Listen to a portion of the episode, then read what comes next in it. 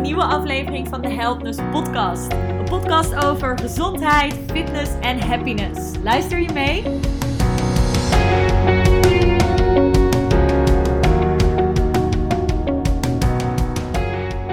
Hey lieve meiden, superleuk om deze podcast vandaag met jullie op te nemen. Ik heb deze podcast al een tijdje willen maken, maar zoals jullie misschien in mijn vorige podcast hebben kunnen horen, heb ik besloten om super intuïtief te gaan podcasten. En vooral niet de druk erop letten dat ik een aflevering moet gaan maken. Maar dit helemaal vanuit flow en de juiste energie en de juiste intentie voor jullie neer wil zetten. Dus luister vooral eventjes mijn vorige podcast. Dit gaat over mijn updateje en hierin vertel ik uh, hoe het met mij ging de afgelopen periode. Ik merk ook gewoon echt dat in een periode dat ik in mijn uh, herfst en mijn winter zit. Nou, daar zal ik jullie zo van alles over vertellen. Ja, dan heb ik gewoon helemaal geen zin om te gaan podcasten. Dus ik zit nu in mijn lente. Uh, als het goed is, uit mijn hoofd dag 8 van mijn cyclus. Dus ik heb mijn menstruatie er net op zitten. Ik um, heb ongeveer nog een uh, weekje voordat mijn ovulatie, als het goed is, uh, eraan komt. Dus ik voel me goed, zit goed in mijn energie heb zin om uh, te kletsen, om jullie van alles te vertellen. En dat is dus ook gelijk het spannende aan deze aflevering. Is ik heb zoveel te vertellen over dit onderwerp. Ik heb zoveel vragen van jullie binnengekregen. Dus ik ga maar gewoon aan de slag. En mijn doel is om vandaag in zo'n Jip en Janneke mogelijke taal dit aan jullie uit te leggen. En grote kans dat er een heel groot stuk is wat misschien nog niet goed genoeg uit is gediept. En dan ga ik daar gewoon weer een nieuwe podcast over maken. Zo heb ik ook dus via Instagram aan jullie de vraag gesteld of jullie vragen hebben over het onderwerp menstrua menstruatie of de menstruatiecyclus. Ik heb super goede vragen van jullie binnengekregen. Ik ga kijken of ik die vragen deels gewoon in de podcast kan verwerken. En uh, aan het eind wil ik eigenlijk gewoon de vragen nog eventjes met, je met jullie doornemen. Het belangrijkste is dat deze vragen wellicht niet allemaal hier beantwoord kunnen worden. Enerzijds omdat ze heel persoonlijk wellicht zijn, anderzijds omdat het veel dieper ingaat op mogelijke dingen die fout kunnen gaan. Fout vind ik altijd zo'n zo'n rot woord, maar die er mis kunnen gaan in de menstruatiecyclus. Dus we gaan gewoon kijken hoe het loopt. Uh, er zitten ook wat vragen tussen omtrent bijvoorbeeld anticonceptie. En dat zijn toch weer hele andere onderwerpen. Vandaag wil ik het voornamelijk hebben over de natuurlijke menstruatiecyclus en hoe dit in ons leven verloopt. En welke fases daarin zitten. Uh, welke hormonen daar vooral bij uh, horen. En uiteraard een stukje over wat er wellicht mis kan gaan. Maar dat zal ook een ander groter onderwerp zijn waar ik wellicht later dan weer een nieuwe podcast over maak. Dus zo wil ik het eigenlijk met jullie gaan doen. Nou, laten we in ieder geval eens eventjes kijken hoe het zit met de start van onze menstruatie. Nou, ik kan het me nog nauwelijks herinneren. Maar ik heb dan over het algemeen ook gewoon een heel slecht geheugen. Ik denk zelf omdat ik gewoon nauwelijks in verbinding stond met mezelf vroeger. Ik weet wel dat ik redelijk laat ongesteld werd. Dit uh, werd ook weer bevestigd toen ik vorige week bij mijn moeder was. En een aantal ja, dingen van vroeger, weet je wel, foto's en boekjes aan het bekijken was. Volgens mij was ik uh, ehm, 14 of 15 of zo. En uh, stond er dat ik nog niet ongesteld was. En dat dat toch wel dan bekeken moest worden als ik dat over een jaar of over een paar maanden nog steeds niet zou zijn. Nou, ik kan me iets van herinneren dat ik 15 was of zo, dat ik ongesteld werd. Um, ja, het is toch een beetje gebruikelijk dat dat rond de 12, 13, 14, 15, hooguit 11 jaar of 17 jaar. Daartussen zou je eigenlijk voor het eerst ongesteld moeten worden. Vaak merken we dat die ongesteldheid als je start met menstrueren nog heel onregelmatig is. Bijvoorbeeld tussen de 6 en 9 weken. Er is eigenlijk dan gewoon nog steeds een hormonale disbalans. Omdat de hormonen beginnen aangemaakt te worden, maar misschien nog niet voldoende. Waardoor bijvoorbeeld al gelijk een oestrogeendominantie kan zijn. Uh, kan ook heel goed zijn dat er bijvoorbeeld te veel fyto- en xeno-oestrogenen worden gebruikt door de voeding of andere producten die we gebruiken. Het zijn gelijk allemaal termen die uh, gooi ik er gewoon maar in. Maar ehm, ja, zoals je hoort kan dat voor een disbalans in uh, de hormoonhuishouding zorgen. En kan het zijn dat je bijvoorbeeld start met menstrueren op, in onze tienerjaren. En dat het zich uitmunt in zeer zware uh, menstruaties met veel PMS-klachten. Dus de klachten die je kan ervaren vlak voordat je ongesteld wordt. Um, een fase waarin snel door uh, artsen wordt uh, ingezet op hormonale anticonceptie. Vooral om deze cyclusgerelateerde klachten te voorkomen. Terwijl het gewoon ons systeem is wat nog aan het uitbalanceren is, als het ware. En ja, de vraag is of je dan zo snel die anticonceptie moet inzetten. Ja, ik vind het lastig. Ik ben zelf heel jonge leeftijd aan de anticonceptie begonnen. Uh, gewoon om de reden dat ik seksueel actief werd. Maar daardoor heb ik eigenlijk nooit geleerd hoe mijn cyclus in elkaar zat. En fast forward, 15 jaar later, ben ik gestopt met de pil. Uh, nog steeds geen idee hoe mijn cyclus in elkaar start, zat. Dus dat was mijn start, hoe ik eigenlijk um, ja, ben begonnen om meer te weten over onze hormonen, over hoe onze cyclus werkt en nou ja, de reden waarom ik nu dus deze podcast maak. Zoals ik dus al zei, hou ik het vandaag vooral over de natuurlijke cyclus. We hebben dus een aantal vruchtbare jaren tijdens ons leven, wat loopt vanaf het moment dat we beginnen met menstrueren totdat we voorbij de menopauze zijn en in de postmenopauze komen. Dan zijn we dus niet meer vruchtbaar. Kom ik straks nog eventjes op terug. Stel je gaat geen anticonceptie gebruiken, dan is het dus zo dat je natuurlijke cyclus zal hebben. Uiteraard kan hier van alles misgaan, maar we gaan nu even kijken naar de meest gebruikelijke duur van de cyclus. Die zou in principe tussen de 21 en de 35 dagen moeten liggen. Volgens het boekje duurt de gemiddelde cyclus 28 dagen. Dat zijn 4 weken. Het zou kunnen zijn dat je een kortere cyclus hebt, bijvoorbeeld tot de 21 dagen. Een te korte cyclus rond de 21 dagen of zelfs korter. Ja, dat is niet helemaal goed. Het zou bijvoorbeeld kunnen zijn dat de celletjes niet goed rijpen en dat ze te vroeg springen. Het zou ook kunnen zijn dat je een te lange cyclus hebt, bijvoorbeeld langer dan 35 dagen. Dan is er zelfs een grote kans dat je helemaal geen ijsprong hebt. In die cyclusduur van gemiddeld 28 dagen zijn er verschillende fases. Stel, we houden eventjes die 28 dagen aan, dan heb je dus netjes 7 dagen per fase. Dus vier fases van 7 dagen.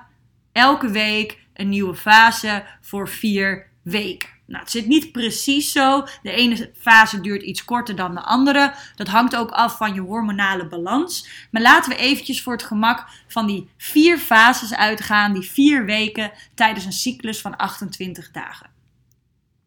Fase 1, dat is de start van jouw menstruatiecyclus dag 1. Dit is dan ook de dag dat je start met bloeden, dus je menstruatie begint. Je lichaam is erachter gekomen dat er geen bevruchting heeft plaatsgevonden en gaat um, je baarmoederslijmvlies, wat is opgebouwd, afbreken, maar ook je eicel en het gele lichaam wat is achtergebleven, waar de eicel zeg maar in zat, dat wordt afgebroken en afgescheiden. De menstruatie duurt vaak tussen de 3 tot 5 dagen. 5 is een beetje het gemiddelde. Sommigen ervaren een langere menstruatie, sommigen ervaren een kortere menstruatie. Ook dit zijn allemaal belangrijke parameters om te checken of de hormonen in balans zijn. Of dat er iets aan de hand is waardoor je hevige menstruaties hebt, of juist hele lichte menstruaties.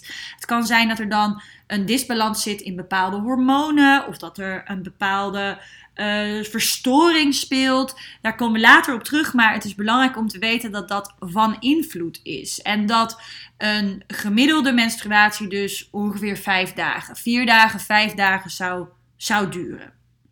De eerste fase van je menstruatiecyclus wordt ook wel de winter genoemd. Het is de vroege folliculaire fase. En folliculair staat voor follikel, want de start van de groeiende follikels vindt plaats in die eerste week onder invloed van het hormoon FSH en dat is het follikelstimulerend hormoon.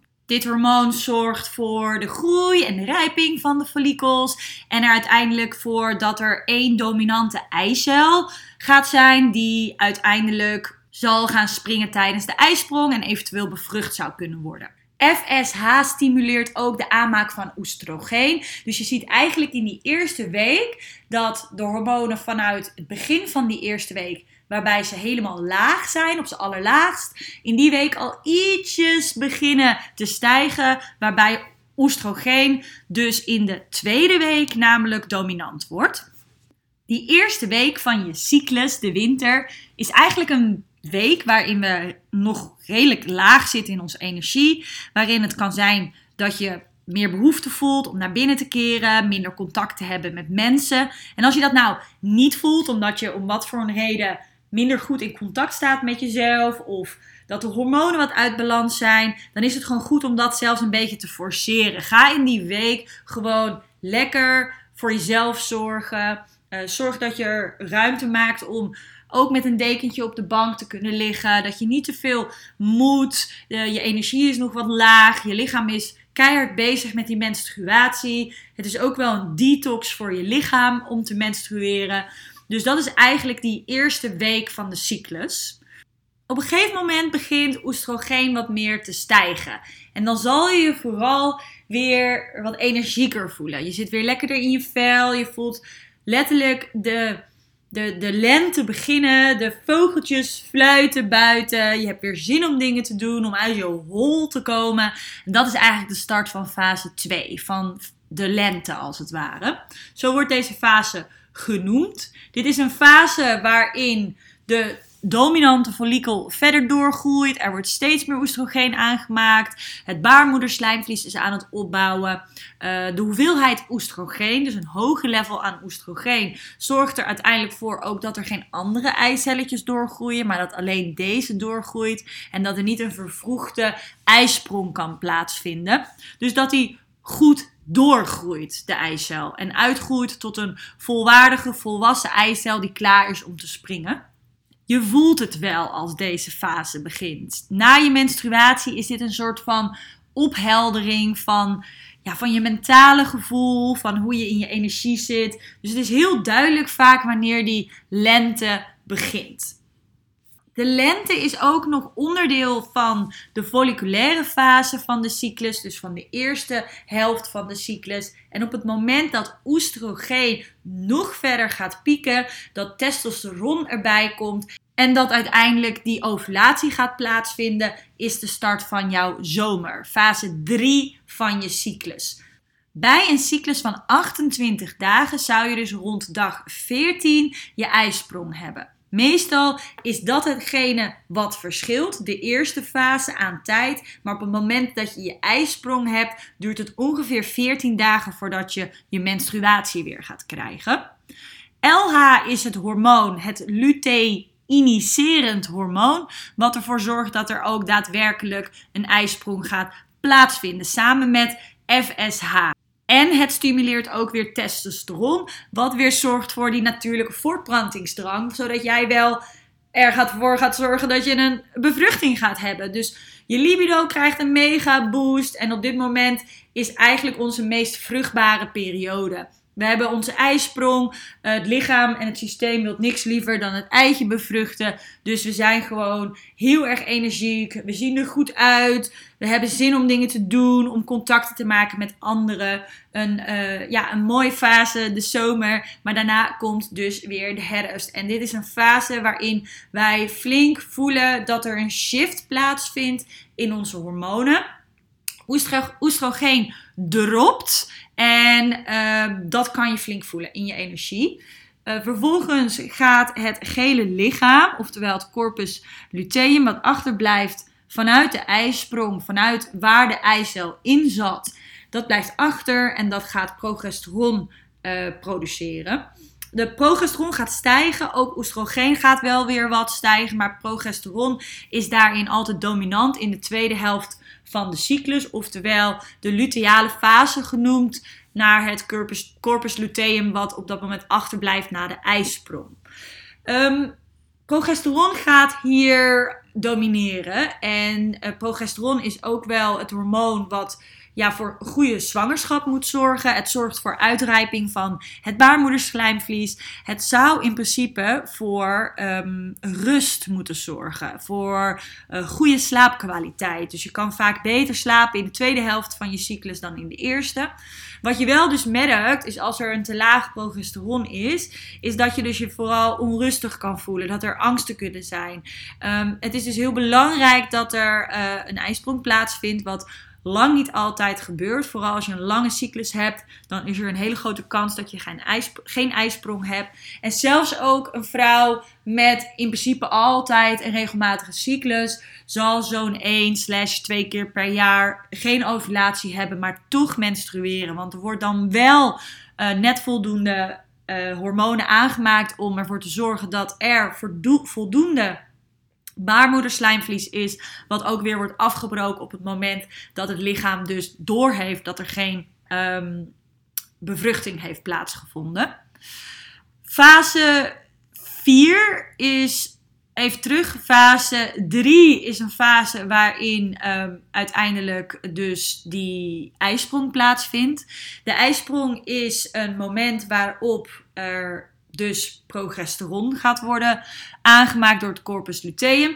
En het progesteron zorgt er weer voor dat ook de schildklier actief wordt en de temperatuur stijgt. Want dit is dus een moment waarop jouw basale lichaamstemperatuur stijgt. En dat is ook de manier om te kijken of er wel een ovulatie heeft plaatsgevonden. Dus de tweede helft van je cyclus is ongeveer tussen de 0,3 en 0,6 graden hoger dan de eerste helft van je cyclus. Dus op het moment dat er iets van een verstoring zit in jouw um, menstruatiecyclus of in jouw cyclus, is het heel verstandig om te gaan checken: hey, heb ik wel een ijsprong? Ja of nee? En dat kan je dus checken door jezelf te temperaturen elke ochtend als eerste als je wakker wordt. Die stijging in jouw basale lichaamstemperatuur, de schildklier die dus gestimuleerd, gestimuleerd wordt, zorgt er ook voor dat automatisch jouw behoefte, je calorische behoefte, dat die omhoog gaat. Je lichaam is zich echt letterlijk ready aan het maken voor een zwangerschap, want dat is hetgeen wat er gebeurd zou moeten zijn na een ijsprong. Fase 3 is meestal een redelijk korte fase, omdat dit de fase is waarin jij vruchtbaar bent, waarin oestrogeen piekt, waarin testosteron piekt.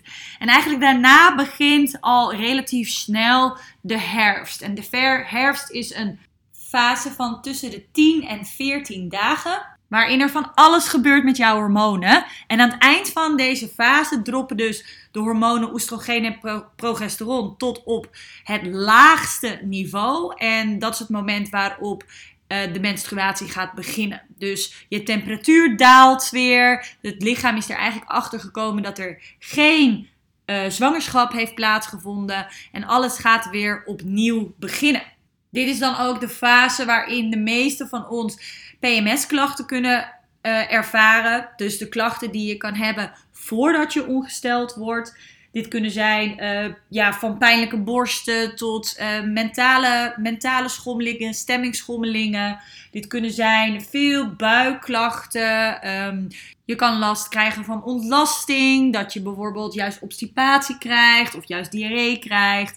Er kan van alles gebeuren. Het belangrijkste hier is om te weten dat hoe heftiger jouw PMS-klachten zijn in de week voor je menstruatie, hoe meer je hormonen eigenlijk uit balans zijn. En dit is dus heel belangrijk, want hier wordt heel vaak aangegeven dat deze klachten er gewoon maar bij horen. En dat is dus niet zo. Hier is wat aan te doen. En vanuit de uh, reguliere gezondheidszorg wordt hier vooral uh, de pil voor geschreven om deze klachten tegen te gaan of om je cyclus te reguleren. Maar dat, lieve dames, gebeurt niet. Het is alleen maar een pleister plakken. Want op het moment dat jij anticonceptie gaat nemen, of de anticonceptiepil in dit geval, wordt je volledige hormonensysteem platgelegd en kan er niks gereguleerd worden. Ja, je hebt niet de klachten omdat je niet je reguliere cyclus hebt. Ehm, maar uiteindelijk, als je dan weer zou stoppen met de pil, dan zijn die klachten er nog steeds of ben je eigenlijk nog verder van huis. Want dan heeft de, heeft de cyclus helemaal stilgelegen en kan het zijn dat je gewoon weer begint waar je gebleven was. Met ook de kans dat natuurlijk gewoon de pil bepaalde klachten geeft waar je op dat moment weer uh, laag libido van krijgt, depressieve klachten, noem maar op. Nou, tijdens onze vruchtbare jaren zou in principe dit verloop van je cyclus dus lopen zoals ik net heb uitgelegd. De meeste vrouwen gaan dan rond de 51ste met de overgang. Dat wordt ook wel de menopauze genoemd. De menopauze is één jaar waarin jij geen menstruaties meer ervaart. Dus geen ovulaties meer hebt. Dit is dus het gemiddelde 51 jaar. Maar sommige vrouwen gaan al met de overgang rond een jaar of 40 of 45 of misschien wel later, 55. Dat is super verschillend. Maar daarvoor zit nog een fase, dat heet de perimenopauze. En dat is een fase waarin jij voor de overgang al onregelmatige gaat, gaat ervaren. Dit is dus ook de fase waarin de meeste vrouwen de klachten krijgen van de overgang. Dus op het moment dat jij helemaal niet meer menstrueert, zal je ook niet meer die specifieke overgangsklachten ervaren, omdat die overgangsklachten komen uit de onregelmatigheid van de cyclus, waardoor er een on natuurlijke balans ontstaat tussen oestrogeen en progesteron. Daar komen die klachten als opvliegers vandaan, of nachtzweten, of um, heftige stemmingswisselingen. Daarna, als je al een jaar niet meer hebt gemenstrueerd, dan heb je die klachten niet meer. Maar die perimenopauze, die kan soms al ja, ongeveer vijf jaar voordat de overgang ook daadwerkelijk plaatsvindt, kan dat al, um, kan dat al starten. Er zijn ook vrouwen die al vanaf hun dertigste perimenopausale klachten krijgen. En ook dit kan uit verschillende oorzaken komen. Het kan zijn dat als je navraag doet bij bijvoorbeeld je moeder, dat je moeder ook op een hele jonge leeftijd al in de overgang ging. Maar het kan ook zijn dat er al een hormonale disbalans is, waardoor het weer een soort van lijkt dat je in de overgang zit, maar er gewoon een hormonale disbalans is. Dus het is best wel lastig om vanaf die dertigste levensjaar, waar op veel vrouwen uiteindelijk ook gewoon kinderen krijgen. Op dit moment is het volgens mij 31,9 jaar oud, waarop vrouwen uh, ja, hun eerste kind krijgt. Terwijl vanaf de dertigste eigenlijk je vruchtbaarheid al afneemt.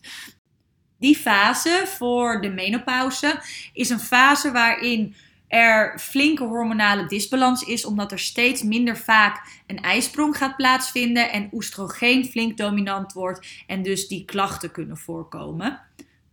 Uiteraard zijn er weer bepaalde protocollen die ervoor kunnen zorgen dat je die perimenopauze zo goed mogelijk doorkomt. En worden sommige dingen nog belangrijker om die hormonen in balans te brengen. Denk aan bijvoorbeeld stressmanagement om ervoor te zorgen dat je zo min mogelijk klachten ervaart. Goed. Nou, dit was aardige bevalling om dit op deze manier te kunnen uitleggen aan jullie. Ik hoop dat het te volgen was. Ik hoop dat jullie een duidelijk beeld hebben van hoe die vier weken, volgens het boekje, er ongeveer uitzien en wat de belangrijkste hormonen hierbij zijn.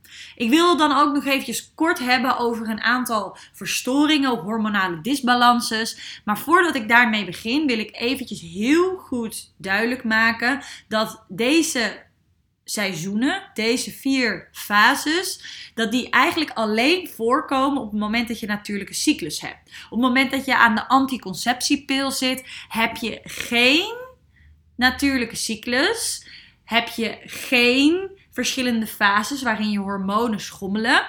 En is de menstruatie die je hebt tijdens je stopweek ook geen echte menstruatie.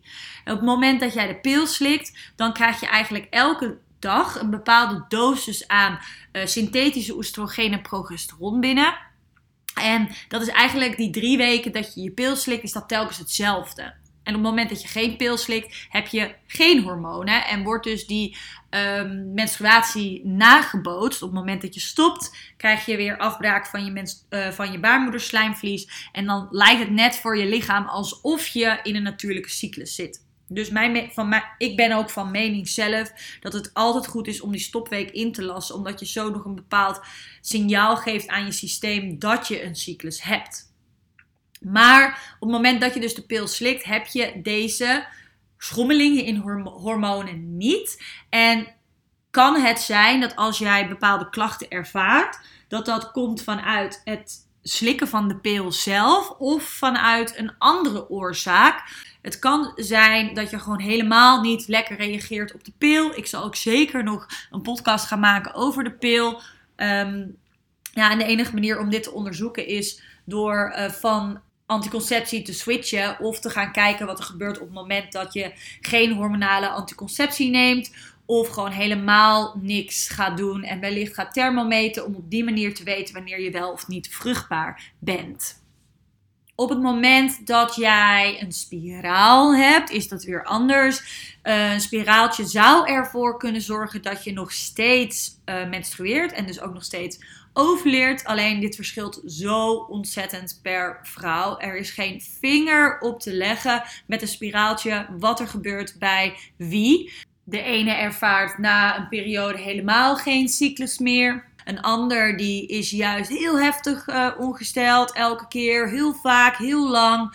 Of juist heel weinig en heel kort. Het is bijna niet uh, te voorspellen wat er gaat gebeuren op het moment dat je een spiraal laat zetten.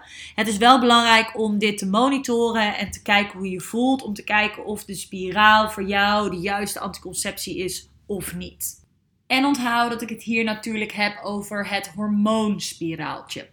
Als je aan de pil zit, is het in mijn ogen het belangrijkste om dus wel een stopweek te hebben en om wel te leven naar die verschillende fases. Dus je kan bewust ervoor kiezen om in bijvoorbeeld jouw winter en jouw herfst um, minder heftig jouw agenda in te delen, minder heftig te sporten. En juist in de eerste en de tweede week wat meer uh, te knallen met sporten of wat meer afspraken met, um, met, met, met mensen in te plannen of juist harder te werken en drukker te zijn in die periode.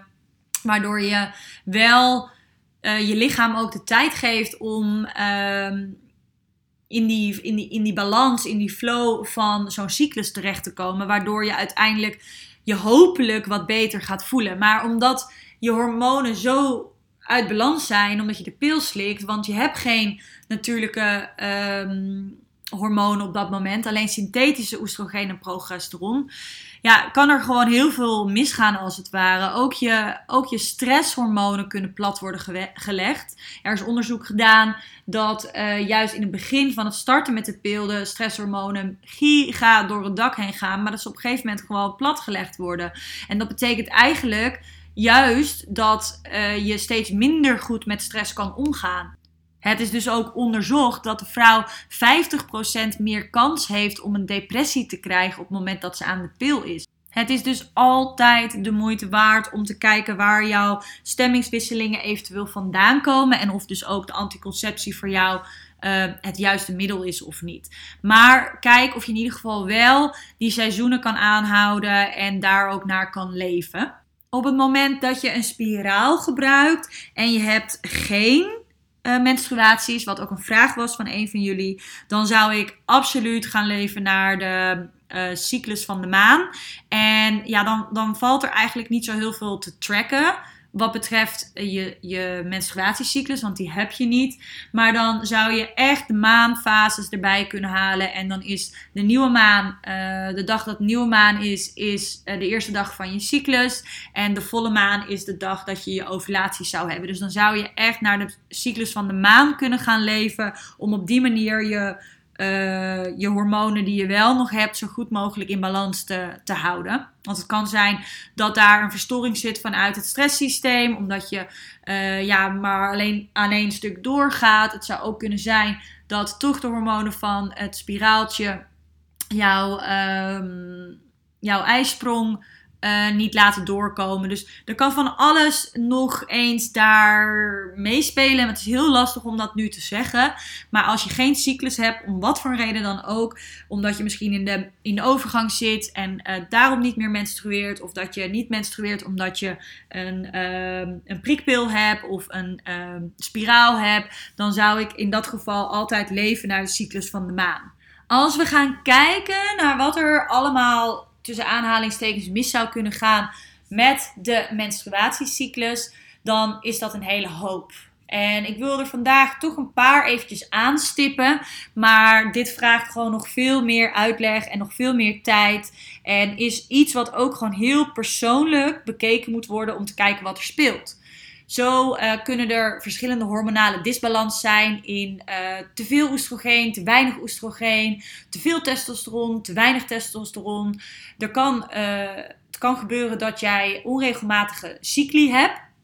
Nou, dan is er eigenlijk bijna altijd wel iets aan de hand vanuit die hormonen, waardoor er dus te weinig oestrogeen is of juist um, te weinig progesteron is.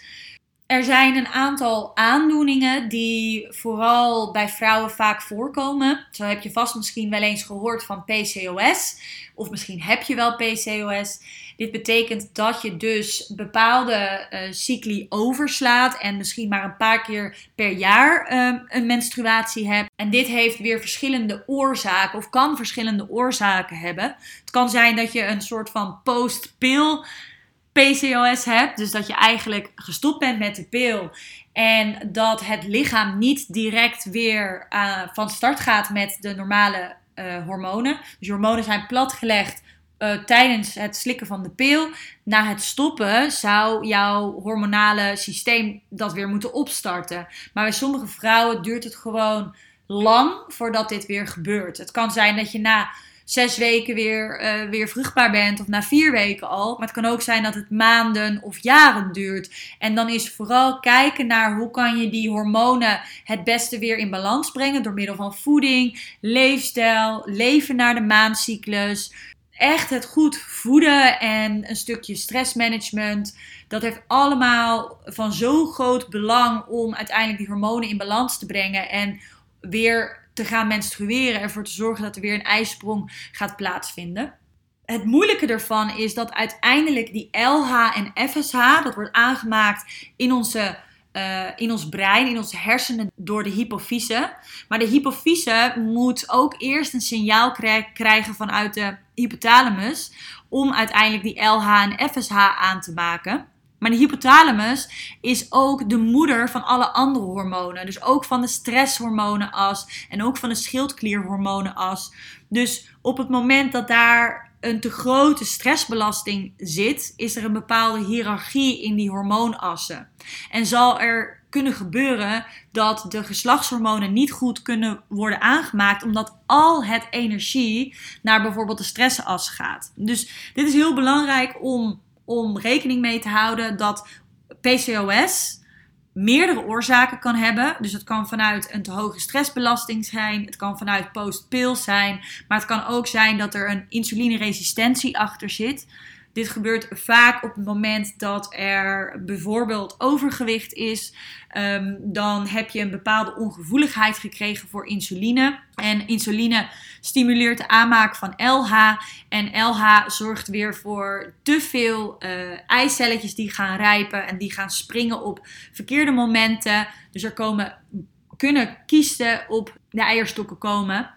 En dit zorgt weer voor een overmatig aanmaak van testosteron en een disbalans dus waardoor uh, ja, de, de, de menstruaties kunnen uitblijven.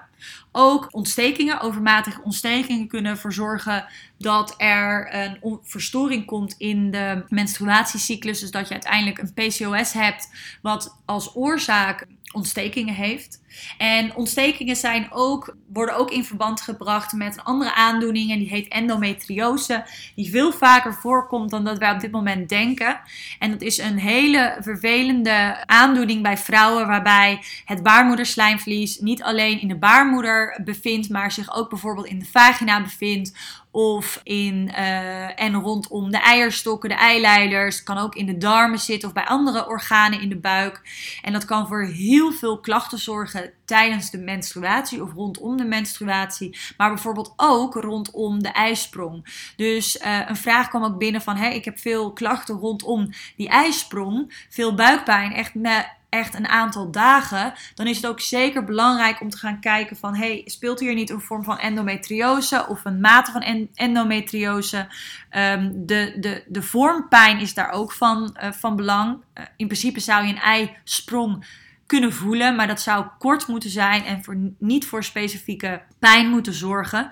Dus uh, een protocol volgen om die hormonen zoveel mogelijk in balans te brengen en om ontstekingen zoveel mogelijk te verminderen, is zeker belangrijk op dat moment dat je klachten ervaart rondom of voor je ijsprong, maar uiteraard ook voor de menstruatie.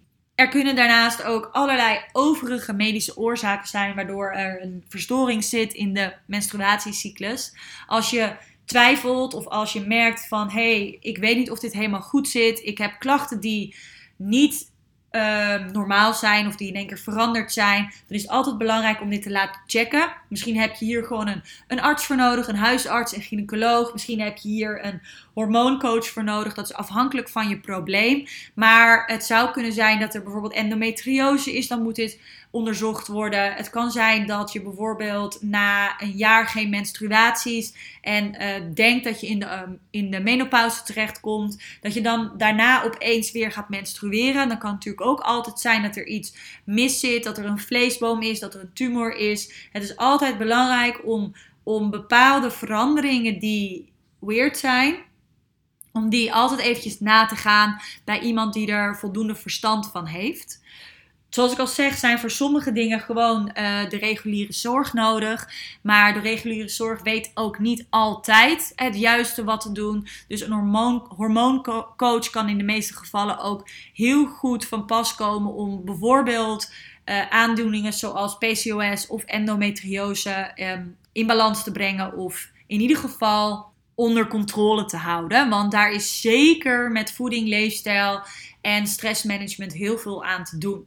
Ook een stukje suppletie kan hier heel goed in ondersteunen. Wat we vaak zien is dat magnesium, de juiste vetzuren, maar ook dat verschillende kruiden heel erg handig zijn om um, ja, eigenlijk die hormonen te boosten of ontstekingen tegen te gaan of de verschillende klachten die voor de menstruatie kunnen plaatsvinden om die te verzachten. Dus het is belangrijk dat je op zoek gaat naar iemand die er verstand van heeft, die jou kan helpen met jouw klachten en kan samen kan uh, uitzoeken wat voor jou het beste werkt. Het is voor jezelf en voor degene met wie je gaat werken het allerhandigst om je menstruatie te gaan tracken. Vooral als er onregelmatigheden zijn, vooral als er rare klachten zijn. Het is voor een coach of voor een gynaecoloog heel handig om in ieder geval een aantal cycli te hebben aan informatie. Die betekent niet natuurlijk dat als je die informatie niet hebt, dat je geen coach of, um, of arts kan opzoeken.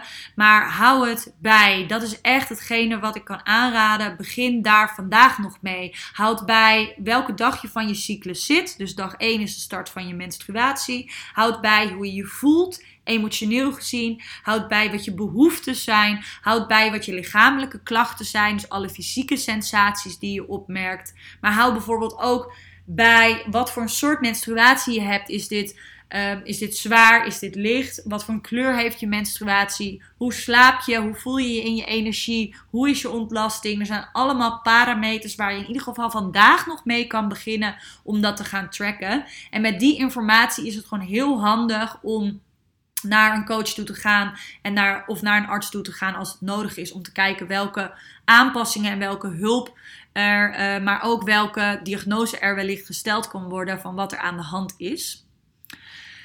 Jeetje, nou, ik ben ondertussen alweer 40 minuten aan het praten. Ik merk dat ik um, ja, het wil gaan afronden. Er is gewoon zoveel meer om over te praten. Vooral over hoe kan je je hormonen in balans brengen. En de onderwerpen anticonceptie. En de onderwerpen um, leven naar je cyclus. Of sporten naar je cyclus. Of ja, stressmanagement om die hormonen in balans te brengen. Er zijn nog wel wel, wel, wel honderd ideeën die ik kan hebben om ehm, ja, nog met jullie eh, deze informatie te delen.